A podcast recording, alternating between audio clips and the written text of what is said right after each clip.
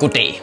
Danmark er et lille land, og derfor har vi altid og er stadigvæk ekstremt afhængige af omverdenen, for at vores lille projekt her, det skal lykkes. Og derfor kan man jo som dansker lige for tiden godt få lidt sved i håndflader, øh, og lige sidde og holde vejret lidt, når man kigger ud over landets grænser, fordi øh, der er gang i ting. Der er simpelthen bare fucking gang i ting. Den verdensorden, der har været siden slutningen på 2. verdenskrig, den er under ombygning. Og i hvert fald på den korte bane indtil videre, så ser det ud til, at internationalisme og frihandel bliver erstattet af protektionisme og nationalisme. Det er simpelthen øh, blevet til America first, Britain first, måske endda La France first, Holland first, og der er eneste, der egentlig er stensikkert ved hele det projekt, det er, at det betyder Danmark last. Fordi hvordan er det nu, at sådan et lille bitte land som Danmark er blevet så hjertedødt rige, som vi er? Er det fordi, vi har uanede mængder naturressourcer, som vi bare kan grave op af jorden og sælge og blive mega rige på? Nej vel, altså ved mindre brok tæller som naturressource, så har vi bare for gode ting at sælge her. Øh, er det så fordi, vi har masser af landarealer, som vi kan opdyrke og sælge alle varerne derfra? Nej, det er det heller ikke. Vi har tabt alle vores landarealer til Sverige og til prøjserne i krig, der var dummere end Irakkrigen. Og ja, faktisk, hvis man går endnu længere tilbage, så ironisk nok, så tabte vi jo landområder til englænderne. Det var jo vores. Det synes jeg faktisk, nationalisterne de glemmer fuldstændig det der med, ah, England ud af EU. Ja, ja, men England ind i Danmark igen. E- ingen, entry in Danmark igen. Så selvom det måske kan give mening for kæmpe store lande som f.eks. USA at lukke sig omkring sig selv og lave protektionistisk politik, så giver det stille og roligt ikke nogen mening for et lille bit land som Danmark. Altså, det, det giver simpelthen ingen mening. Når, når, når vi ifølge Verdensbanken er øh, verdens 12. rigeste land, på trods af at vi er så ufattelig små, så er det jo fordi, vi er sindssygt gode til at handle med de andre.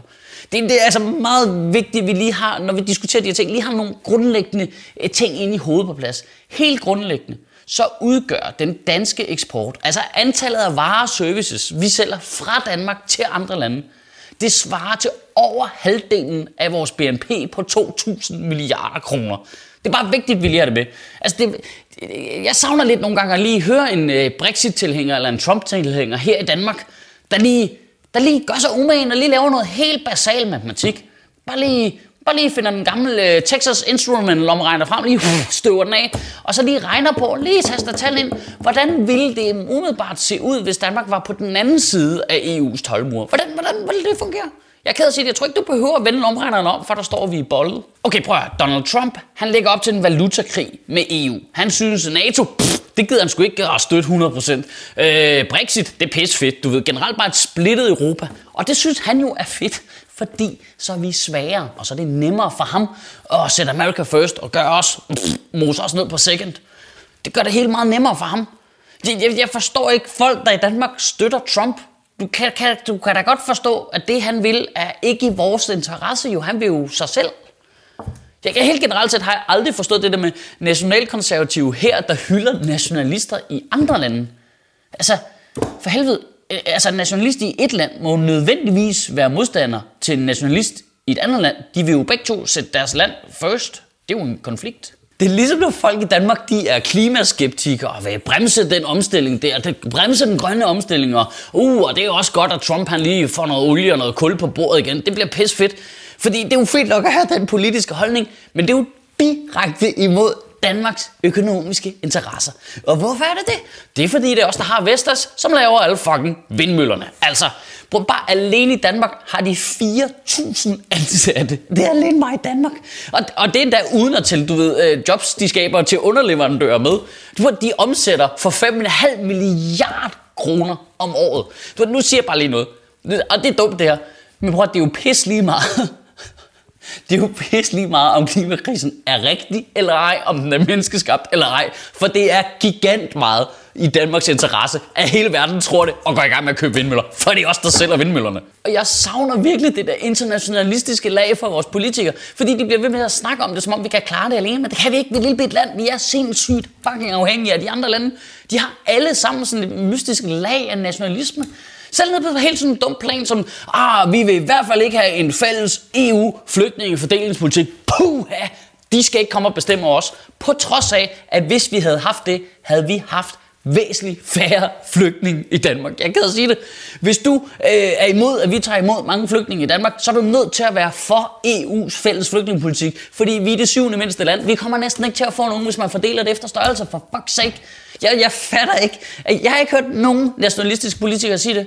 Sig nu bare, at hvis du ikke vil nogen flygtning, så er du nødt til at være for EU. Jeg er virkelig ked af dem. det er du nødt til. Det, det er du simpelthen nødt til. Vi må bare se i øjnene, at det er jo bare blevet en eller anden form for politisk super uhipt at være international, hvilket direkte konflikter med alle Danmarks interesser. Og det er med alle sammen. Selv øh, har I set Mette Frederiksens nye kampagne for Socialdemokratiet? Det der med, jeg bliver virkelig tit spurgt om, hvad den bedste danske opfindelse er. For det første, det er du aldrig blevet spurgt om, Mette Frederiksen.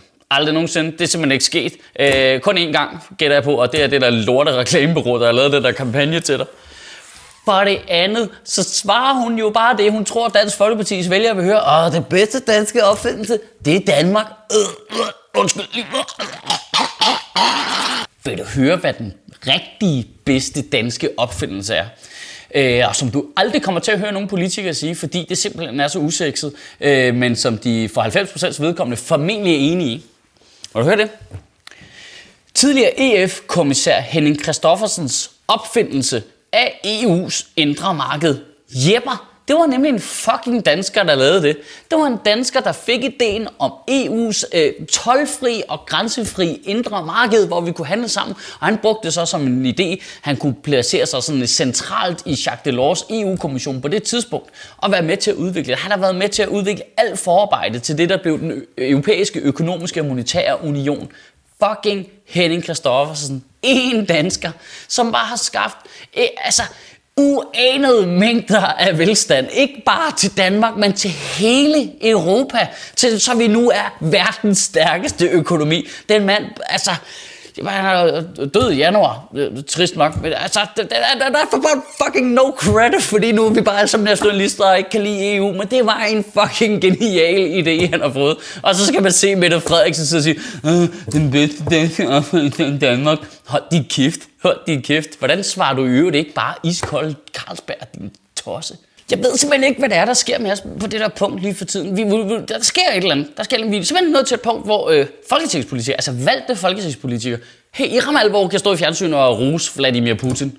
Altså en mand, der bare har, du ved, omgået alle demokratiske processer, sat i gang af Berlinmurens fald og ført landet tilbage til et diktatur. Ja, jeg fatter det ikke. Hvis du i ramme alvor mener, øh, Danmark, det er det bedste land, og vores værdier er de bedste. Hvordan kan du så støtte en mand, der har så modsatrettede værdier? Altså, jeg kan sige det. Det er jo ikke for at demonisere russerne, men jeg synes godt, vi kan demonisere øh, Putin. Altså, manden er jo ikke demokrat. Altså, under nogle omstændigheder, der er censur i Rusland. Du de har lige indført en lov, der gør, at mænd godt må slå kvinder og børn i hjemmet.